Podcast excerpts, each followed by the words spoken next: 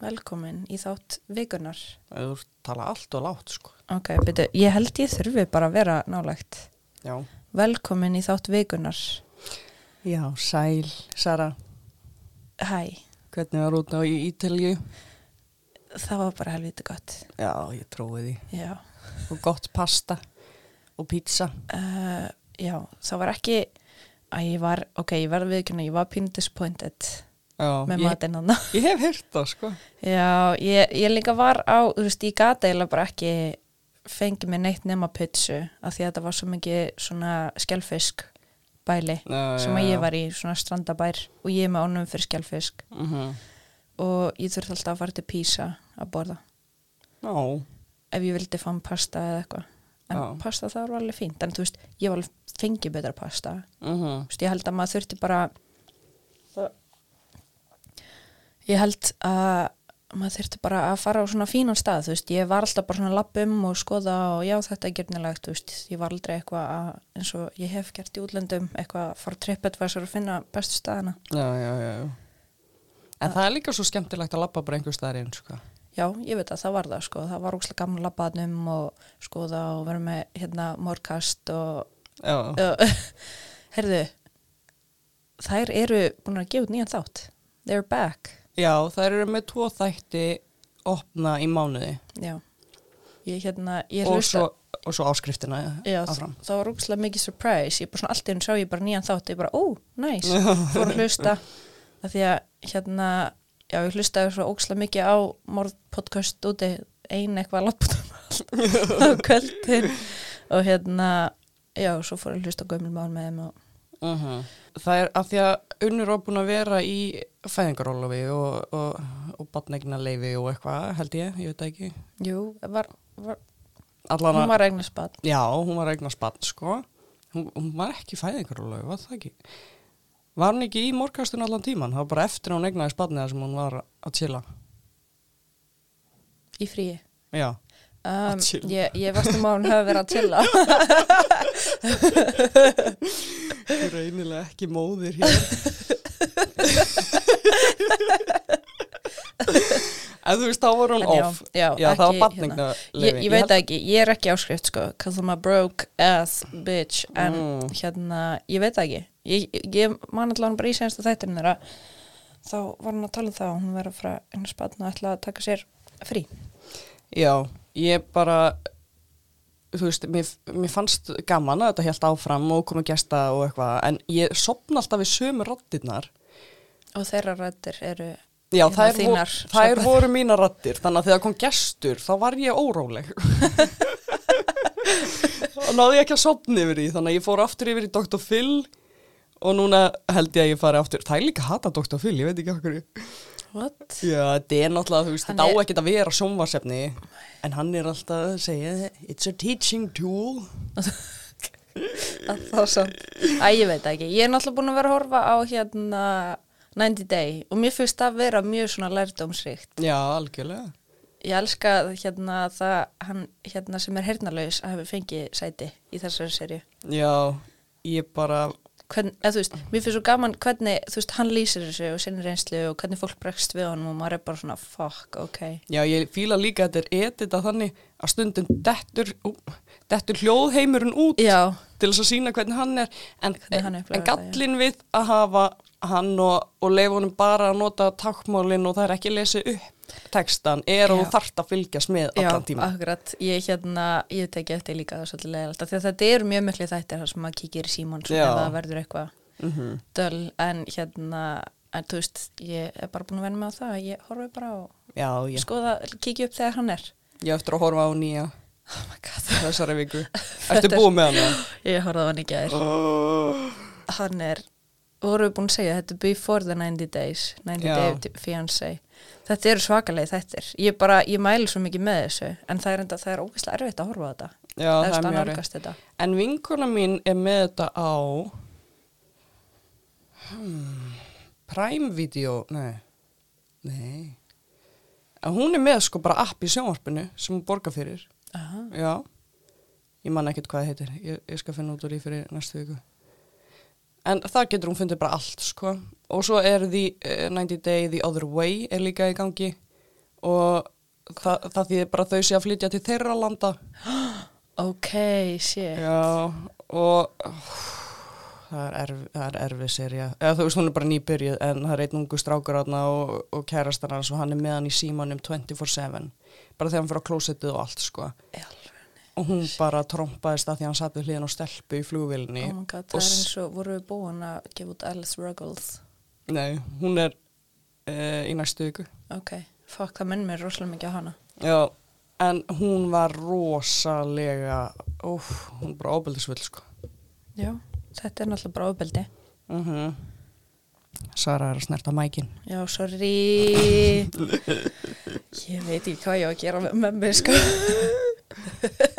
En já. Ég verð bara að stela hérna að ég háti bylum frá sýstumenni áður en ég keminga eitthvað til að svona til aðeins En vikan, vikan Oh druslugangan, senasta vika, já oh, það var föndukvöld, gekk frábærlega, það var bingokvöld, gekk frábærlega, já, það var peppkvöld, gekk dásamlega já, og gangan.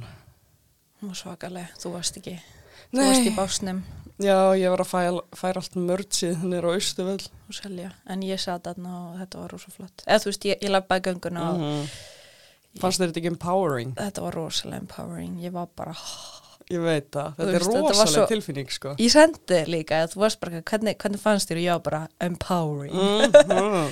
Mjög sko En eigum við kannski að byrja hérna á fyrstu í vendunum Ég komst ekki á föndukvöldi Nei. Ég var hann þó í Ítalíu Já, bara dásamlegt, það mættu bara, það voru margir sem mættu einir sem var bara dásamlegt, þú veist, þá bara settust við niður og spjöllum og kynntumst og Já, ég tók eftir því Það eru allir svo opnir og þú veist Þetta er bara svona einhvern veginn allir eru vinnir Já. Bara svona að þú veist við þekkjumst eða þú veist við þekkjumst ekki en við þekkjumst öll einhvern veginn í við erum saman í liði, það Já, er við erum bara saman liðið þannig að við bara setjumst og spjöllum skilur Mhm. Það var bara svona, ég hef aldrei Þa- þú veist, sé þetta ég starklega, ekki einu svona jamminu þar sem stelpur eru bara eitthvað, oh my god, þú veist, að, þú veist, eru bestu vinkunir Mhm. þú veist, þa- þetta var meira, þú veist, maður Já, var virkilega. alveg bara, já, og hérna, Þetta er svo fallegt umhverju, sko.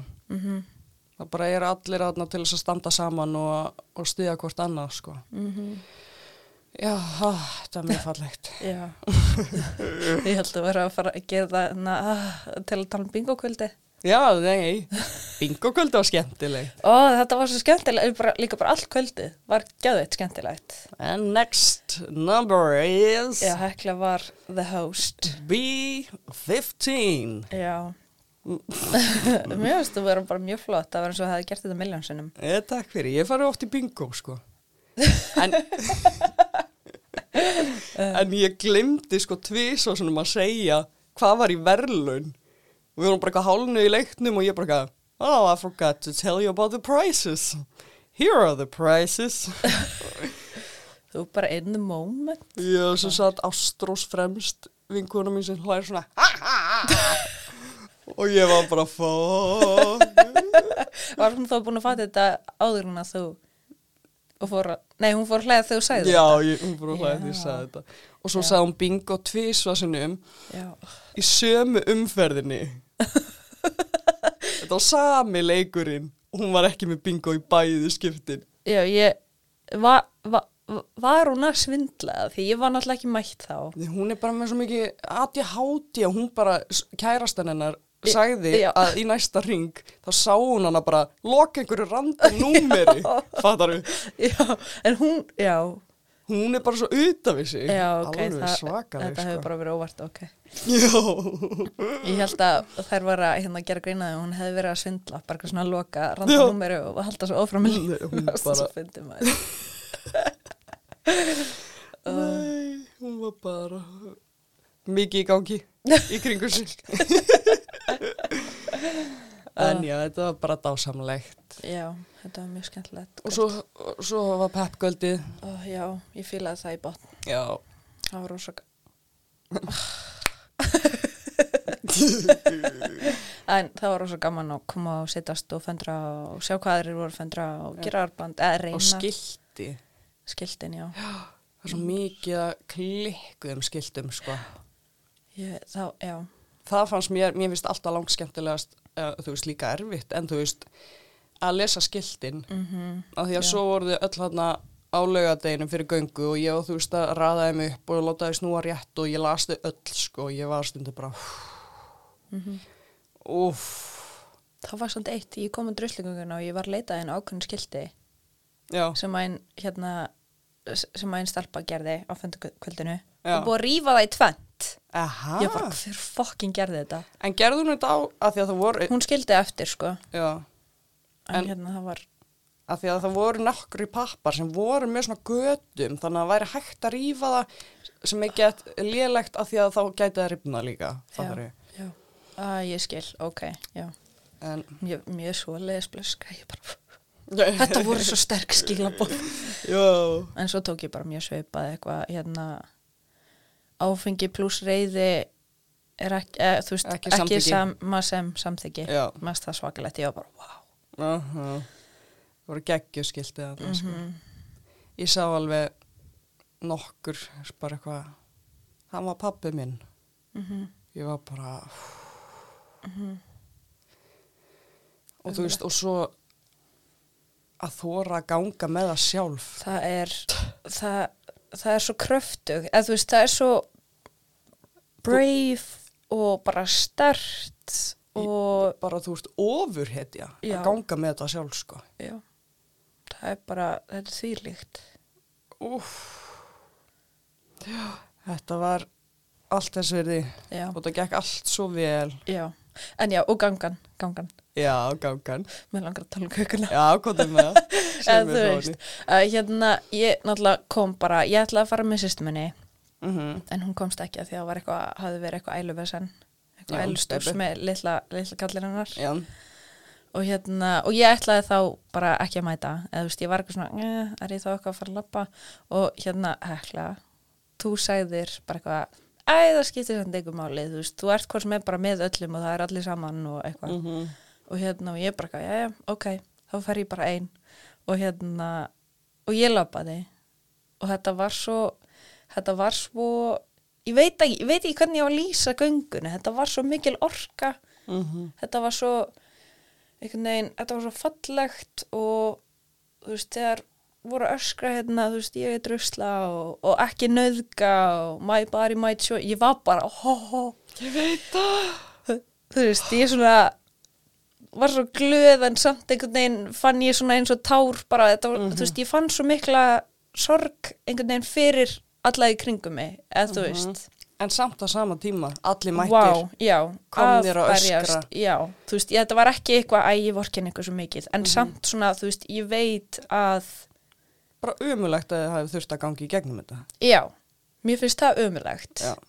þú veist, að ég var svolítið svona meir og svolítið svona, oh, þú veist, og svo sjá fólk í faðumlaugum að gráta, að hlæja, þú veist, og svo var þetta svo mikil, mikil kraftur í öllum að öskra og, þú veist, og stelpur hérna á brjóstunum og, þú veist, samt var eins kallt en þær bara svona höfðu skilabóð til að skila, Mm -hmm. nei, hvað segir maður, þær vildi koma þessum skilabóðum áfram Mm þetta var svo fallegt, ég var bara og svo settist ég, þú veist, var bara ein skilu en það, við bara einhvern veginn sátum öll saman Já. ég og bara gró ákunni Ég veit það. og hlustum á ræðunar og hérna og lögin og, og þetta voru svo falleg lög Mhm. sérstaklega Freedom Já, og rosalega flott. Hvað heitir hún náttúr? Þórun Salka Já. ég bara, og það er hún sagði eftir og bara, þú veist að hérna, hún, ég held hún hafi verið í hérna kúrikastífilum þegar hún lendi í árásinni Mm lendi í nöðgunni og, og hann hafði þá þú veist tekið, hún vildi held ég ekki vera í stígvélónum eftir þetta Mhm. en svo fann hún sitt freedom eða svona sinn kraft og ætlaði ekki að leifa honum að taka kúrikastífél frá sér Já. og þannig að hún var á sviði í kúrikastífélum Úff, já, og vá. þetta er svo fallegt lag og Hún bara fór og breytti tryggjörnum í, bara tól, eða þú veist já, bara þú veist, tóka tilbaka. Já, nákvæmlega og svo googlaði ég og það var, var bara svipað, þú veist, hún gæti ekki verið með bláan augskugga Mm -hmm. í ár eftir þetta Mm -hmm. en hún hefur þú veist, og svo samdóndalag og þú veist, það er svona s- snýst um, þú veist, að hann tók frelsi hennar, að því þú veist, þetta er bara, þetta er f- bara Já. frelsisvifting mm -hmm.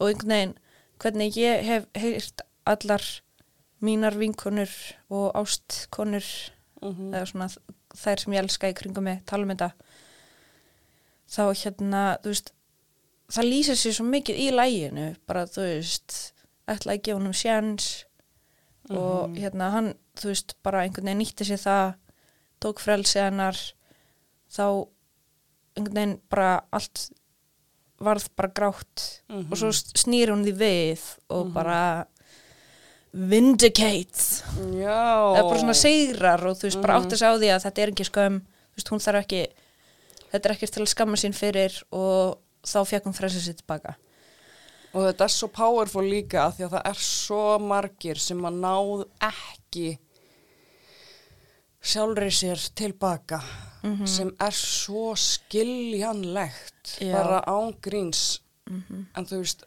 pæl, en þú ert svo sterk manneskja að ná því fattar ég já og sérstaklega hérna, ég hlusta á ræður Mhm.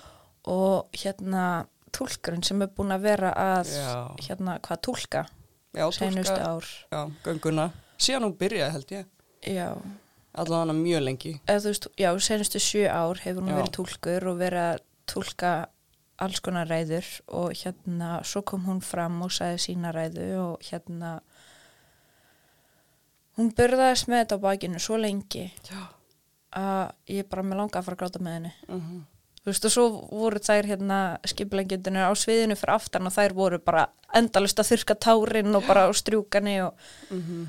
þú veist, oh, ég bara já, þetta var svo sárt að hlusta á en svo bara einhvern veginn neldundi í gegn með geggjum bóðskap bara þú veist þessi ganga, Mhm. hún er svo mikilvæg og, og má ég segja, ég hefði viljað sjá fleiri þarna fleiri fleira, fleiri fólk já, Mér fannst svona að því að þetta er svo mikilvægt, þetta er svo mikilvæga málstæður og þú veist, ég náttúrulega veit ekkert hvað ég er að segja, skilur við, þetta var bara svona minn þangagangur, að þú veist, ég þekki svo marga sem að hafa orðið fyrir kynferðsopeldi mm og þú veist, það, að ég veit það ekki, að Nei, ég, veit ég- ekki, vill ekki vera eitthvað eh, dána, nei, ég, það er samt skiljanlega eða, þú veist, þetta datt niður af því að það voru tvö ár sem að var ekki gengið út af COVID já, svo bara í fyrra var fyrsta gangan eftir COVID það mættu fáir og það var helmingi meira í ár ok, gott, þannig að þetta fer örugglega upp á við aftur en Ok. það, bara, það voru allir uppteknir allir sem að ég talaði við og allir nánustu vinni mínu bara eitthvað, já ég er út á landi, ég er í útlöndum Já. ég er að döpa reyndar, það var líka hann hjá mér, ég var bara, kemst þú, kemst þú, já, nei, ég er að vinna, nei, ég er út á landi, ég bara, ugh, ég veit það andskotin. líka þegar voru Daniela, nei, ég var að vakna eftir gönguna, ég bara, jæja líka því ég var í kringlunni að, að þú veist, segja fólki frá drusligöngunni, þá voru þau öll eitthvað Æ, ég er að fara út á morgun, æ okay. ég vil samt ekki vera eitthvað að seima neitt sem að vi- vill ekki mæta og eitthvað þannig, Nei. þú veist, það er alls ekki bara svona, ég, ég bjóst við að sjá fleiri andlit, fleiri kunnulega andlit einhvern veginn, ég var bara svona en bara allir sem mættu bara, vá Mér finnst Æ, alltaf mjög og- erfitt að sjá ekki fólki mitt annað, sko. já, Mér finnst það mjög erfitt. já, En þú veist, þú varst þarna Ingo og Hlynur og Ósk og Maja. já Svo var Daniel vinnu minn frá Del Carnegie þarna já, ég sá hann, já, og frænka mín. En það var, já, það var eina fólki sem að ég sá, sem að ég þekki, sko. já en þetta var alveg góðu fjöldi sko, við alveg fylltum lögavegin og Já, hérna, en ég landi akkurat í einhver svona að því að túristar sá þetta og var að lappa með já, og ég lappaði, ak- þú veist, ég var akkurat á þeim stað þar sem að þeir voru alltaf að týnast inn í þannig að fólk var bara eitthvað að spjalla og ég heyrði ekkert í hérna, ég er drusla Þú já, já. veist, ég heyrði bara þeim tal og ég var bara oh, ok, Shut the fuck up, Þú veist, we're we're þetta er- matching. hann grínir mér langaði að segja, bara excuse me you hear these chants En já, þetta er geggjöð ganga. Það er bara alla tilfinningar koma út. Eða, þú veist, þú ræður ekki eins og hver, það bara kemur einhver tilfinning. Já. Margi brjálaðir, já, bara reyðir, þú veist, margir hrættir, margir sorgmættir, margir glaðir, margir empowered og þú veist, svo bara flakkar líka milli tilfinninga, þetta bara dregur allt út og við stöndum bara öll saman og ó, þetta er svo fannlegt. Þetta er það í alvörunni, ég bara svona ég var bara að mæta þarna fyrir þið þú veist, og bara svona til að vera vinkunum að steyðja en ég bara svona váka, ég sé ekki eftir því að þetta gerði svo mikið fyrir mig Mm -hmm. þú veist, þetta bara fylgdi mig að svo mikilli umhyggju og gleði og nein, bara öllu til allra sem Svo- voru þarna og ég Svo var ég ekki einu svona labba. bara, já, það, þú veist Já, Ég við veit. vorum að færa allt niður. ég veit takla ok, ég er að djóka.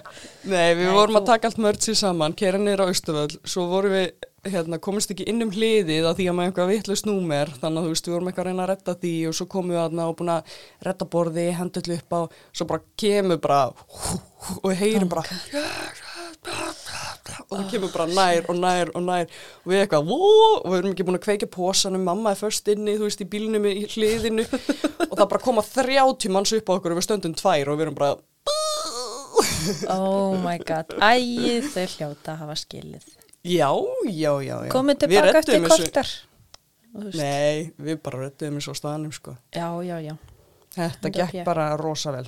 En s- r- seldist rosalega vel sko, sem er frábært. Geðveikt. Já, fer þetta ekki bara til að gera allt á að því að þetta er alveg slatta af shiti sem við þurfum að kaupa já, og leia sviðið og Allt það, hljógræður, fá fólk til þess að koma. Eh, Flesti gefa samt vinnuna sína, þú veist, tónlistamennir og ræðu fólki. já, mér grunaði það því að Já. þetta, þau tölu alltaf eins og þetta væri svona mjög um, svona ætti stóran staði hjartum mm Mhm. sínu þannig að ég hugsa, þú veist, af hverju ættu þau að gera þetta eða þú veist, auðvitað vill maður fá greitt fyrir vinnu sína en, þú veist, það, en þegar þetta er eitthvað svona já, þá þau hugsa eru ég, þú veist, tilbúin að gefa já. þetta frýtt, sem já, er bara sem er svo fallegt rosalega fallegt. Já. Jæja, er ekki komið gott? ha, Ef við ekki að fara í mál eða? jú, heyrðu, mál veikunar Hver er með mál? ég er með mál Er þú með Vikunar. mál? Ég, já, þú ert búin að vera núna tvær vikur í röð. Nú var, Henry Lee Lucas. já, herðu, Alice Ruggles er núna, sko. Ó, Ég sagði því næstu ó viku. næs. Vá, hvað Það er það er núna. viðegandi. Já, Oh herðu. my god, vá, hvað þetta er feminin þáttur. Við hefðum átt að vita þetta þegar við byrjum á spjallinni. Já, af hverju ætti hún að vera næstu viku? Ég held að Tommy Ward var síðast, þannig að ég væri núna. Nei. Nei, ég er bara Henry búin að vera Lee núna. Lucas er búin að vera, tv- já. Já, já. Eða þú veist, af hverju ætti ég að vera með þátt núna og svo gefa út allis í næst, eða ég veit ekki. En já, þetta Ég er, hélt að ég væri hvað- núna. ok, þetta er sko mjög viðegandi þáttur coming your way. Mm. Mm. ég hérna ég er hendur ekkert búin að hlusta á hann hérna eftir að við tókum hann upp Nei, Þannig að ég, ég er mjög spennt að heyra hann já. ég hlusta alltaf á þættina bara svona eins og ég hlusta á hennu podcast Já, já. Maður verður að fara yfir þetta, sko. já, þú, já, Þú veist, En þú ég veist- fyrir alltaf tvisvar sem yfir þetta. Ég klippi fyrst þáttinn, Já. svo þegar spjallið kemur og klippi í spjallið en rúla aftur yfir þáttinn, sko. já, já, já ég hlusta á hann alltaf bara áður en við gefum út þegar, bara á deginum bara líka þú veist ef við erum að orða eitthvað vittlaust og þú veist við erum alltaf að reyna að passa okkur að þú veist orða allt rétt en Já, stundum bara bara vera- kemur þetta klunnalega út og í, eins og gerist í samræðum þú veist, við reynum Já, alltaf já. að vera málefnilegar og sína öllum verðingu en stundum bara missum að sé þú veist, einhvern veginn er bara þreyttur og já búin að líka vera að bara spjalla og maður bara einhvern veginn orðar eitthvað leðilega eða svona skringilega sem að maður myndi kannski ekkert vilja að það kæm út þannig já algjörlega þú veist við bara erum líka að æfa okkur þetta er bara æfing að, já, að og tala rétt sko já, nokkulega og mér finnst mjög næs eða þú veist, mér finnst mjög gott að meðan við erum að komast yfir þetta við erum að tala til bara vinna og vandamanna Þannig takk vinir fyrir að ég held samt að ég sko, ég held að enginn mín megin sé að hlusta á þetta. nú Já, ég er margir hjá mér sko já, ég held þannig bara, ég held að þetta sé magnað að þínu fólki. já Aldís og Reynir og Vilborg þau eru öll bara fremst Það er ekki að veikt. já Jú, ég hef alveg fengið, þú veist, eitthvað, hei, hérna, jú, Gunnar, Gunnar hlustar. já Gunnar Sigfús Já, Ó, Nei. sæti kall já, besti. herðu all right Herðu, já, Alice, Ruggles já, hún varð fyrir mjög ömurlega ofbeldi Já. Mhm, af hendi kærasta sinns. Mm um, þetta er mjög sorglegt og setjum bara trigger warning af því að þetta er ofbeldi í nánu sambandi Mm þannig ef þið haldið að þið geta ekki hlusta á það þá bara kveikið á hérna í næstu viku Já. en á sama tíma eru öll málun okkar ógisleg Já. En þetta, er kannski svona sem að snertir fleiri íslendinga. Já. og er bara ótrúlega lítið talað um Já. Já. bara svona ofbeldi og bara svona andlegt ofbeldi í nánum sambundum mm þannig að ég veit- veit ekki, ef eitthvað resonates bara spáðið í hugsað um Talið við samfræðing. það eða vini, Mm ég vona að hérna, enginn þurfi samt að vera lendi í þessu en ef það er þá bara þú veist, it's not your fault Nei, skömmin er aldrei þín. Við vorum að skilinni síðustu helgi. nákvæmlega oh, jú, andjóks Flott gátt. ég veit það já og bara ég bara hvet líka bara a- alla að mæta á druslugönguna á næsta ári 'Cause it's amazing Mm en heyrðu hekla, Já. má ég eiga við marð Of course you can.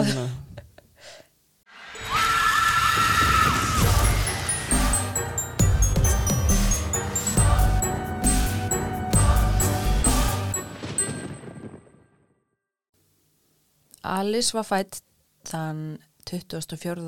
desember árið 1991 hún var þriði af fjórum bönnum röggulshjónana fjölskyldan bjó í Túr Langdon Þorpi í Leicestershire já, já. Er það, er það eh, fylki? Lester sér. Sko, ég held að það sé, það er einhver starf í Englandi. Nó, já, já, ok. Já, Góði landa Ég- fræðinni. já, ég klikkaði reyndar algjörlega. Þetta er einhver starf, þetta er Englandi, þetta er the UK einhver Ok, starf. á, Uh, sex manna fjölskyldan var mjög náinn og held upp WhatsApp spjalli allan ásinsring til að haldast í sambandi þrátt fyrir að langt væri ámilli þeirra. Mhm. Þegar þau voru orðin svona aðeins eldri þá náttúrulega fluttuðu bara úr sér þorpi. Mhm. Alice var líst sem góðri sýstir, skemmtileg, var fjölskyldu límið, gríðalega fyndin og átti mjög auðvelt með að eignast vini vegna þess hversu hress og opin hún var og auðvelt að tala við. Hún byrjaði að æfa skilmingar þegar hún var 11 ára og var mjög góð í þeim. Pikkaða upp mjög hratt. Næs. Þegar kom að því að velja sér háskóla kanna hún hvaða skóli var með besta skilmingaliðið og Northumbria í Newcastle var fyrir valinu. Já, er það ekki England? Newcastle? Jú, jú, jú, það er England, Sko mig. já. Ég hugsa bara um Georgia Shore. Fjölskeldan var svo náinn að þó að sískinu fluttu út um allt land þá hittustu alltaf yfir jólin og fögnuðu þeim saman. Þú veist, Þetta var bara mjög tætt fjölskelda. Eftir háskólan ákvað Alice að halda áfram að búa í Newcastle og fór að vinna hjá Sky, na, Sky News, Já, já, já. Já, þar sem hún varð fljótlega svæðistjóri og svo yfirmaður sölusviðs. Næs. Já, henni gekk mjög vel í vinnu og félagsliði lífi og hafði almennt gaman að því að búa að hana. Þú veist, bara gett fallast líf einhvern veginn hjá henni. Mm -hmm. Tryman Dylan fættur 5. DS. Try man. Já, Try og svo man. Tryman. Try man. Já, 2A, hann fættur, hann frá Indla- Indlandi. Try man. Ok, Tryman. Nei, ég veit það ekki. Ég veit það ekki heldur það. Hann, hann var kallar Harry Dylan. Harry, Hann Dil breytti nafninu sínu í Harry Dylan. Harry Dillon. Já, ok. en hans, þú veist, fæðingarnafn var Tryman Dillon. Fættur 5. desember og er því bókmaður 1990. Já, kallar Harry Dillon, fættur í Indlandi, en vegna þess að pappans var í hernum þá flutti fjölskeldan til Englands. Hann var engabann og gjörsamlega dyrkaður af fóreldra sínum en þau voru frekar ströng við hann og þannig að þegar hann fór í háskóla þá svona byrja hann að drekka og fara út og haga sér á hátt sem hann vissi að stangaðist á gildi mammas og pappa sem að ég er að minna gerum við ekki öll Jú, jú. já, já. en ég held að þetta hafi verið eitthvað svona á öðru Extreme. leveli já. hann ólst upp í þessu herumkvefi og ákvaða að ganga í breska herin eftir hann kláraði háskólanám eða university hann var sendur beint til Afganistan í non-combat role Ok. sem að er bara, þú veist, Þú veist ekki on the ground. já Ok. Hann notaði Facebook mikið til að haldast í bandi við vinni og ættingja í Indlandi og Breitlandi og rakst þar á mynd af Alice. Hún var sjáðu til í Indlandi með vinkonu sinni Jen og Jen var Facebook vinkona Dillon. Hann kommenta á myndina, Alice sá það og adda hann á Facebook. Ok. Mm Meet cute. Meet cute. Eða þú veist, já, Hvað nei þýðir kannski það? ekki alveg. Æ, það er svona þegar fólk hittist á krullan hátt. Já, meet cute. Já, svona meet cute en kannski ekki bara á Facebook eitthvað. Er þetta eitthvað svona sleng hjá ykkur unga fólkinu? Nei, þetta er mjög mikið eldra fólki að segja þetta sko, já. It was a meet cute. Muna líka einu ára mitt okkar. Ha, já. Þið unga fólki, já. Ég er náttúrulega miklu yngri í anda en þú. Já, þú ert það. Ég held náttúrulega fyrir þegar við vorum fyrst að kynnast að þú værir allavega fimm árum eldra en ég. Aha, Jeps. er ég... Ekki í framan, nei, Ah. Nei, nei sáliðin. Já, Þú ert með mjög gamla sál. ó, takk. Mm Hlaman, sko. Já, ég er amman. Þau svolítið smullu saman og voru strax mjög hrifin að hvort öðru. Hún var náttúrulega á þessu ferðalagi með Jen en eitti öllum tímanum sem að þær komist í net í að tala við hann. Ok, þannig að þau eru ekki búin að hitta, það er bara netsamband. Nei, hún er bara á ferðalagi með Jen. Það er náttúrulega ekkert bara alls að það er ekkert net alls þar, ég veit það ekki. En bara alltaf þegar komist í wifi eða net þá settist hún bara fer að tala við Dylan. Já, já, já. alla ferðina. Hann var mikill sjarmur og hún allis var ekki lengi að falla. En er þetta bara skilaboð eða er þetta videokól? Ég held að í ferðinni hafa þetta bara verið skilabóð, en ég veit ekki, það er bara, þú veist, Ok. já.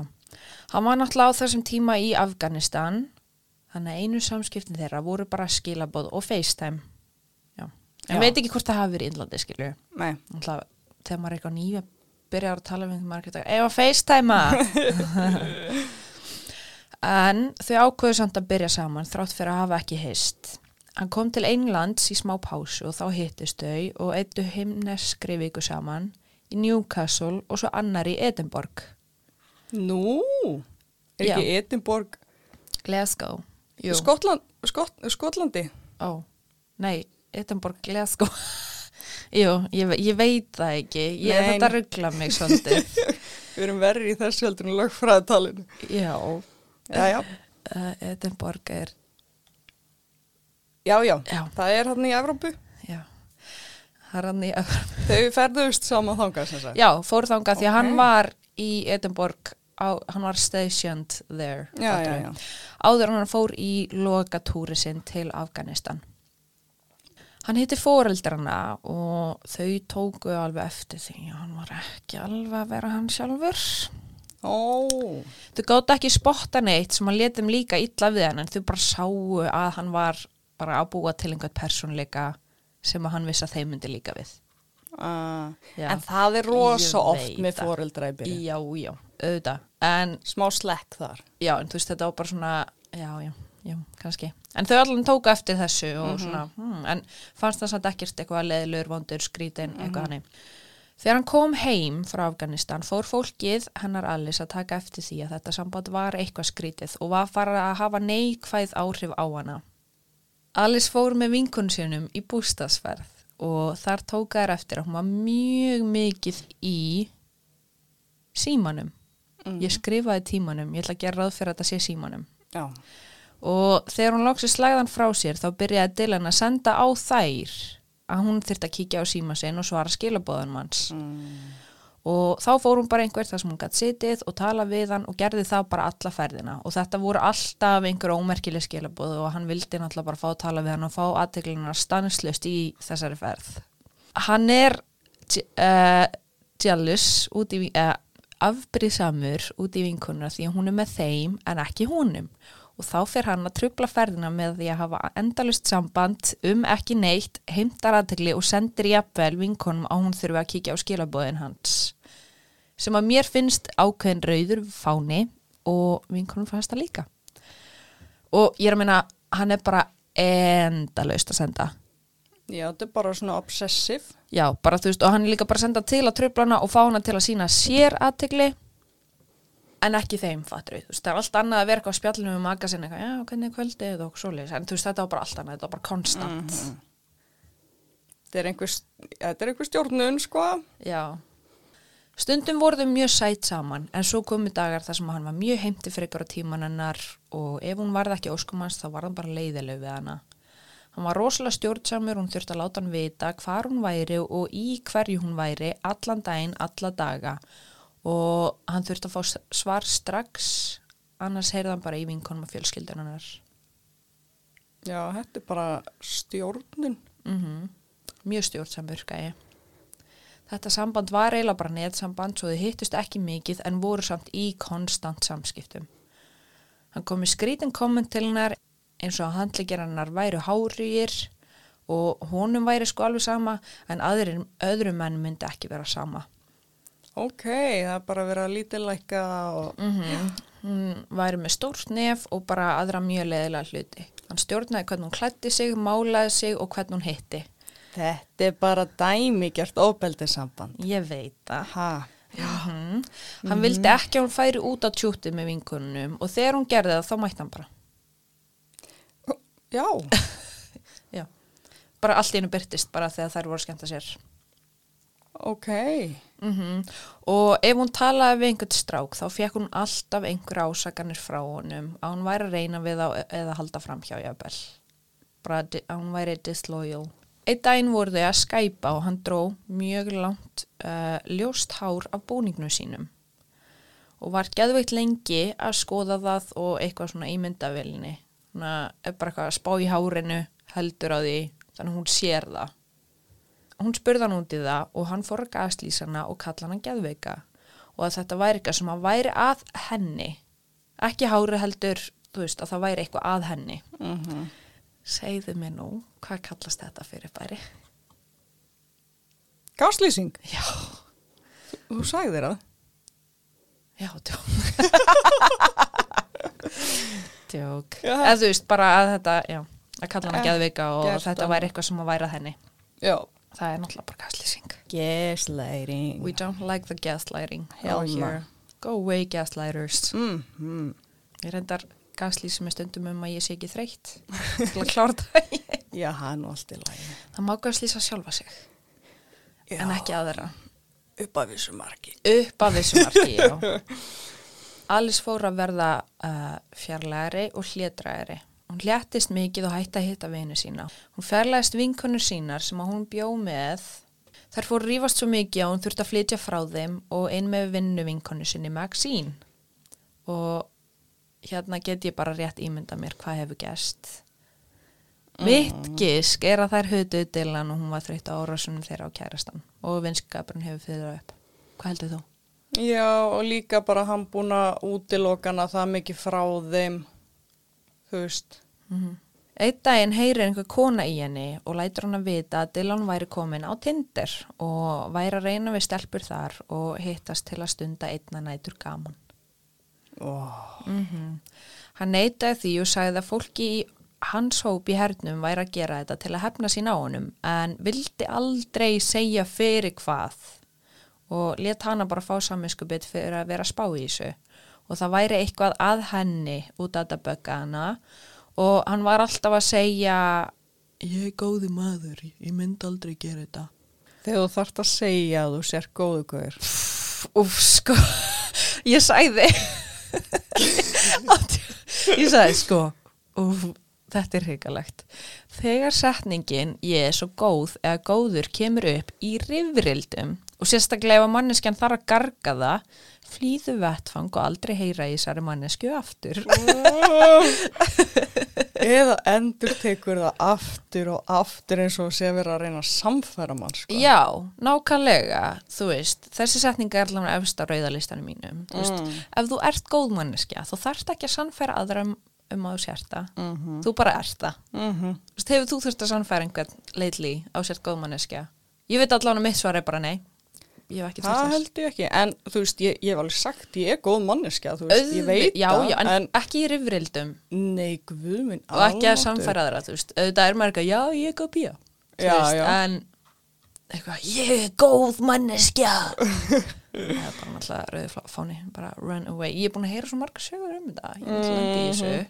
Ég er svo góð gauð. Trösti var algjörlega broti og hún hætti með honum. Eftir sambandslitin fór hann að eldir halla hana. Hefur þú enga tíma verið stólkað? Nei, Hefur þú stólkað aðra? nei, Ekki, ég hef gert það. mm, nei. Ekki, hefur aldrei flett mannski upp á Facebook, Jú. kýtt á Íslandingabók, Það er ekki tjekka á að stólk. blóðflokknum þeirra. Nei, Ekki, nei, er ég einn þar? ekki engan blóðflokk hér. Jæja, ok. En þú stýr minna, ég er alltaf uppfront með það, skilur. Já, já, það er eitthvað. Fólk er aldrei hissa þegar ég er bara svona, ég, feis, ég, þú veist, ég tók alveg feitt stolk á hann. Þú veist, ég veit að amma einn heitir þetta. Já, já. það er samt, já. Fólk hlær bara. þú Veist. En nei, ég hef aldrei sitið um Þú mannesku. ert ekki eldirhellir. Nei, Ég þú finnst veist. það annað, Það- heldur en stólk. Svona létt, netstolk. Ég held við gerum það öll. Sérstaklega ef við þekkjum ekki manneskina, þurfum svona aðeins meira background. Mm -hmm. En hann fór já, eldir allana, hann bombardaði skilabóðum á hana á öllum samfélagsmiðlum, þau voru alls konar, hann grænjandi, hann að hóta henni og þú veist bara allt á milli, hún neymitt. Hann setti hlerunatæki í síman hennar, hann vissi alls konar hluti sem hann ætti ekki að vita nema hann sæi hluti sem hann voru að gerast í símanum og hann bre- breytti passvördinu á Facebookinu hennar og var bara með það hakkaði Oh sinna á my Facebooki Mhm. God. hennar einhvern veginn Þetta er svakaleg. mm -hmm.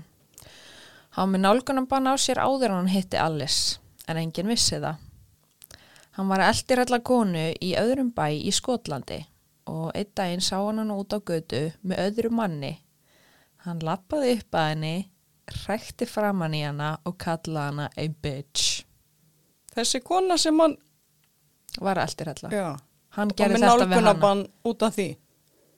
já Ok, hann var búinn að sækja um nálgunabann hann vildi ekki samþykja það. ég veit ekki, þú veist, hann þurfti eitthvað að samþykja það. þannig að hún bara eftir þetta kærði hún hann fyrir líkamsárás eða assault eða eitthvað Mhm. og til að droppa þeirri kæru þá þurfti hann bara að samþykja nálgunabannið Mhm. og já svo hérna þannig að hún dró kæruna tilbaka og hann var færður um stöð í hernum eftir þetta lækkaður. Eitthvað svona. færður, fór á aðra stöð Já, já, ég fatt ok. Já. já. svo myndi ekki verið sama bæ og þetta fólk. Já. Eftir sambandslítin hins vegar fór Alice að breytast aftur tilbaka. Hún fór að vera þessi fjöru að finna píja sem að fólk þekkti. Hún fór að heita vinkonu sínar aftur og huga að sér. Hún kynntist manni sem að þekkti sýstir hennar og var bara góðu gæi sem að bjóði Þýskalandi og var í hernum. Hann hétt Mike. Mike. Nei. Hún bjó ennþá hjá Maxín og let skuttla sér heim og labba með sér inn alla daga eftir vinnu og var með tvo lása á hurðinni sinni. Og samstarfsfólki hennar gerði þetta bara með glöðugeði því að allir vissu af til hann og hvað hann var búin að vera að gera að sér. Þú veist, hann var búin að vera á hótinni, mæta heim til hennar, fylgjast með heimilinu, þú veist, það vissu þetta bara allir. Mm -hmm. Maxín reyndi alltaf að vera heima þegar Alice var heima. En eitt kvöldið var Maxín ekki heima. og Er Maxine Mike? Nei, Maxín er vinnuvinkonina sem hún bjó vinnuvinkonan. hjá. Já. En já, eitt kvöldi var Maxín ekki heima og þá mætir Dylan og fer að ringja bjölluna og fela sig. Og end, já, bara dyra að. Shit. Og endur tók það nokkru sinnum. Þegar Alice var komin upp í rúm, bankar hann á gluggan hennar, setur niður blóm og konfekt á gluggan og með hendur svona upp eins og hann sé að láta hann vita bara hann þurfi ekki að óttast. Svo hann setur hjá eiranum svona og bakkar rólega í burtu og hverfur. svo sendir hann henni voice sem að segir bara ég vildi bara segja fyrirgefðu gefa þið þetta til að sína þér að mér þykir þetta leitt og ég vil sko alls ekki drepa, ég hef engin plön um að drepa þið og svo góða nótt Ha, hvaðan kom þetta? ég bara, hann greinlega bara Mhm. þú Greinlega búin að vera að plana það. já, en bara búin að taka ákvörunum hann ætlaði ekki að drepa Oh my god, shit. sko. Já, þú veist, það var reyndar eitthvað svona, ég sá á einni síðu það að hérna, þau höfðu greinlega að tala um að guys like him always end up killing someone. Þú veist, og hann eitthvað, no, I'm not gonna kill you, I have no intent of killing you, eitthvað. Mhm. En það var bara einni síðu, skilju. Og það voru allir bara eitthvað, fuck, hann skrítið að hann sé að segja þetta, bara eitthvað nema hann hafi íhugað það. Einmitt. Hún var mjög skjálkuð og heyrði í vinkonu sínum og það er ítt á, á hana að hafa samband við laurugluna. Hún ringir laurugluna og hérna er samtalið og þetta er ekkert brjálaslega skýrt en ég útskýra eftir smá. Evening, Northern Via, please. Chris Lina, can I help you? Hi there. Um, I just need a bit of advice, really, um, more than anything. Um, so I split up with my boyfriend about three months ago. Um, since then, I I know that he's hacked into my Facebook and also my phone. Um, he's been sending me a lot of messages, even though I've asked him not to contact me. And um, basic, basically, like just m- messaging my friends and things. Um, and then tonight he's, um, well, I had a knock at my door, and well, he he sent me a message saying I've been in the garden since five. I had a knock at my door, um, and then when I went and looked, I've got like a little, you know, the thing that you can look through, um, and there was no one there. And then it happened again, um, two or three times. And then um, he's come round the back, knocked on my bedroom window at the back of my flat, ground floor flat. Um, and he's been outside and he, he's like left um, some flowers and chocolates on the like outside window sill, and like he walked off. He's not done anything, but I'm just I'm concerned. I've been putting off like my friends have been telling me to call the police. I've been putting it off, but it, I just feel a bit like shaken up tonight. So. Well, it's, it's, it can be classed as harassment, Yeah, which is a crime. yeah, If you know any contact from them, there's a number of things you can do. yeah, You could go to a solicitor and take out an injunction, yeah, keep them away from you, yeah, or report it directly to the police now, and we can issue them with a PIN notice, which means if he ever comes near you again or contacts you again, he'll be arrested. okay. So, wh- which would you prefer?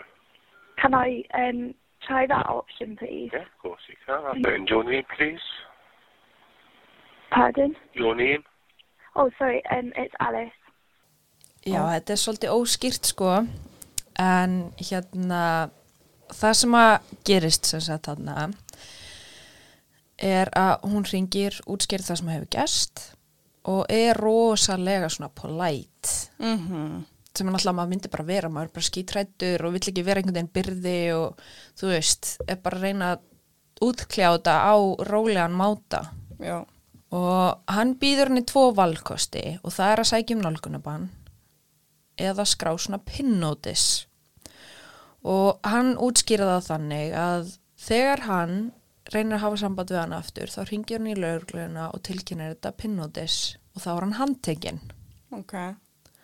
og þú heyrðir alveg að hann var svolítið svona í henni í þá þú veist, þetta var bara að þú getur svolítið nálgun mann eða pinnótis og þá er hann handtekinn þú veist, þú hey- heyrði það ekki Nei, nei, ok það var allan ég hlusta aftur. já, já, það var allan svona spólið bara tilbaka, þú veist, hann svona slæta bara yfir nálgunabannið og fer að útskýrta pinnótis mjög vel og bara þá er hann handtekinn það sem hann segir henni ekki er að þetta pinn hefur ekkert lagalegt gildi hann er ekki ákjærður þetta verður ekki að einhverju svona máli sem að fer í ferli og hann fer ekki í fangelsi En okkur er hann þá handtekinn? pinn, já, það er nefnilega málið með pinn, það er meira svona eins og kvörtun lögreglan fer og tala við hann og gefur hann bara svona formlega viðvörun bara já, núna verður þú að hætta annars verður málur þessu, þú veist, þetta er bara svona viðvörun en þetta er alls ekki að sama og nálgunabann Ok. þú veist, og á þessum tíma voru lögin varðandi eldir alltaf mjög slök, sko, Já. miður og hún náttúrulega bara velur þetta pinnótis að því að hún einhvern veginn heldur bara að það, þú veist, sé það sem að að fattur hann svona sem í henni í þá átt. Mm -hmm. Vinnan hans var látum vita og hann bóðar á fund þar sem yfir menn hans útskýra að Alice hefði sótt um þetta pinnotis og hann mætti ekki hafa samband við hana aftur. Hann var mjög óhress með þetta og undirbjó pakka fyrir hana. Fór bara strax heim og byrjaði að undirbúa pakkan. Ok. Með lítilli svona notesbook, einhver svona glósubók eða dagbók, myndum og brefi sem að segir ég þarf að segja þetta á ennsku ég, ég bara, já I'm in a lot of shit right now but I hope you feel happy now I'm sending you everything that reminds me of you as you belong to another man wishing you two a happy life I will never come in your life again og þú veist, come on belong to another man bara eins og sé eitthvað hlutur Mhm. sem einhver annar á núna bara ok, sko Hann sér annað þannig. Já, og líka bara, þú veist, ok, pældu í því hvað hún er hrættana. Hann er búin að segjast ekki alltaf dreipana, sem að maður gerir almennt ekki nema maður sé kannski mögulega búin að íkvaða það. hún veit að hún er búin að reyta hann til reyðis. Hann sagði það bara, I'm in, I'm in a lot of shit right now. Og að húnum er greinlega alveg sama um þetta pinnótis því að hann alltaf mætir strax bara með einhvern weird og creepy pakka til hennar. Hún ringi þá aftur í laurugluna og hérna er það símtal og það er bara mjög svipað þannig ég bara spóla aðeins inn í það. Hérna. And your date of birth? 24th of December 91. And what's your address? Um, it's 136 Rolling Road, and that's um, E NE84QT. So you've got a pin, pin against who? I'm against Harry Dillon. Harry Dillon. D- is it Dillon D-I-L-L-O-N or D-H or D? D H I L L O N. Do you know his date of birth at all or his age? Yeah, his date of birth is the 5th of December uh, 1990. So 5th of December 90. Uh, so today I received a letter from him. Yeah. Uh, what was the content of the letter? Was he... So pictures of me and him, um, like, because he's my ex-boyfriend too, like a, a notebook that I'd sent him when we were together and a letter. The content pictures of... Uh, you and him, uh, notebooks, Yeah. well, uh, note, And and a letter, yeah. Okay, uh, and uh, so what was the co- what was the nature of it? Was it like threatening or was it harassing? Or? No, um, not threatening. It just it's just saying um, that he, he knows I called the police on him, and he's had everything confiscated, and all he has n- to himself is a pen and paper and an iPod, and explaining why he came down last Friday. Um, and then um, it says at the bottom he won't contact. You know, this will be the last I hear from him. But he's he's said that a lot of times, and it, he, he never does seem to stop. So you said that before, and he just continues to contact you. Yeah. So, so do you want to uh, call back to discuss this? Yeah. What what what's usually what happens with it? Okay, well, Uh, I'll, I'll let I'll, I'll uh, let them know you want to, someone to contact you back. Just uh, discuss what can be done. Okay. Will it be the, the police officer that's been dealing with my case? Uh, I can't guarantee who it'll be. Um, I'll let well, I mean, I'll let them know you've got, you've got your pin notice there, so it's it's, it's, it's going into a breach of it. Um, Okay. Is there a best time to phone you back? Um. Any any time really will be fine. And uh, your telephone number, I'll just make sure I've got those details here. I've uh, got 077 408 56291. Yeah. That's right. Okay, nice. I'll let them know so Uh, you want someone to contact you. Hún þarna er sem ég bara, hún er á þessum tímabúndi bara, þú veist, orðin mjög hrætt um líf sitt. Þú veist, bara er orðin sjúklega hrætt og þú veist, hvernig viðmóti er þetta svo ógislega bara svona casual bara já, hvernig veltu hérna, ok, hvað var í pakkanum og hann var rosalega mikið að svona spá í var þetta ógnandi, þú veist, hvað sagðan og þetta var náttúrulega ekkert ógnandi pakki en þú veist, kannski skilabóðin á baku þetta er rosalega ógnandi Algjörlega. og hérna og svo spyr hún, þú veist, kemur sami, hérna, mun sami hafa samband við mig og er í málinu mínu. Þú veist, hún segir on my case og hann bara, eitthvað, ég get ekki sagt það, eitthvað. Og þetta hefur verið rosalega mikið gaggrind, sko. Já, Bara hvað var ekki tekið nógu vel á þessu. Og þarna segir hún líka að allt var tekið af honum. Heyrður það? Everything got confiscated, bara tala um hann sími og hann er bara með einhvern veginn iPod. Mhm. Já, það er bara eitthvað sem að hann segir við hana. sem er ekki satt. Já, bara lígi. Þú veist, það var ekkert gert, skilju. Það var bara farið, tekið hann á fund, þú mátt ekki hitta hann aftur, hún er búin að, hérna, þú veist, þessi pinnótis Já, og hann fer náttúrulega bara heim og býr til hann pakka. damn. Uh, já, hann er náttúrulega algjör psychopath. Þessi gæi, það, hann svona semi svona dismissar hana og hún svona fattar bara, já, ok, ég er bara alveg upp á einn spýtur. Þú veist, mamma hennar sagði þetta, bara fokk, hún var bara algjörlega ein á bát. Fimm dögum eftir símtalið var hún Alice bara heima hjá sér að reyna að dreifa huganum og skipulegja helgina sem var framundan. Mike, nýi kærastinn hennar, ætlaði heimsækjana og henni hlakkaði alveg til. Á meðan satt Dylan fyrir utan hjá henni og var að fylgjast með og taka myndir á húsinu og glugganum hennar. Í barast. Það er- Já. Hann fann glugga sem hann komst innum og fyrir inn í íbúðina. Hann sparkar upp hurðinni á baðherbyggin hennar og ræðist á hana. Hann hefur ekki enn í dag sagt hvernig þetta var, alveg 100%, en grunað er að hann hafi haldið hausnum hennar uppi og skorið hann á háls sex sinnum, svo langt niður að hann var komin niður í mænu og látið sér svo hverfa. Oh my god. Já, en hún var líka með 24 varnasár á líkamann þannig að það hefur eitthvað meira Já, gone down. Maxine kom heim 20 mínútur setna, fann hana og hringdi á lögregluna. Sem betur fer sagði hún strax nafnið Harry Dillon og kallar hann Absolute Psychopath. sem hann er. Já, lauruglan fór strax að leita að hannum og hann tók hann þegar hann var að reyna að klifra yfir, þú veist, ég náðu ekki alveg að hérna, fatta þetta eða að translita þetta, en ég held hann hafi verið að klifra yfir eitthvað hlið í herbúðunum sem hann var í og þú veist, þetta var eitthvað svona 800 fólk færi inn eða út, ég veit það ekki. Ok. Hann gerði ekkert nema að ljú- ljúga í réttarhöldunum. Fyrst, sko, ég held ég að vel fyrst að hann hafi bara ekki sagst einu sinni verið hana. Mm En svo kom hann alltaf bara símagögnin og hann var staðfestur á vettfangi. Og þá fór hann að segja að hann hefði heimsótt hana en hún hefði verið í fína lægi þegar hann fór.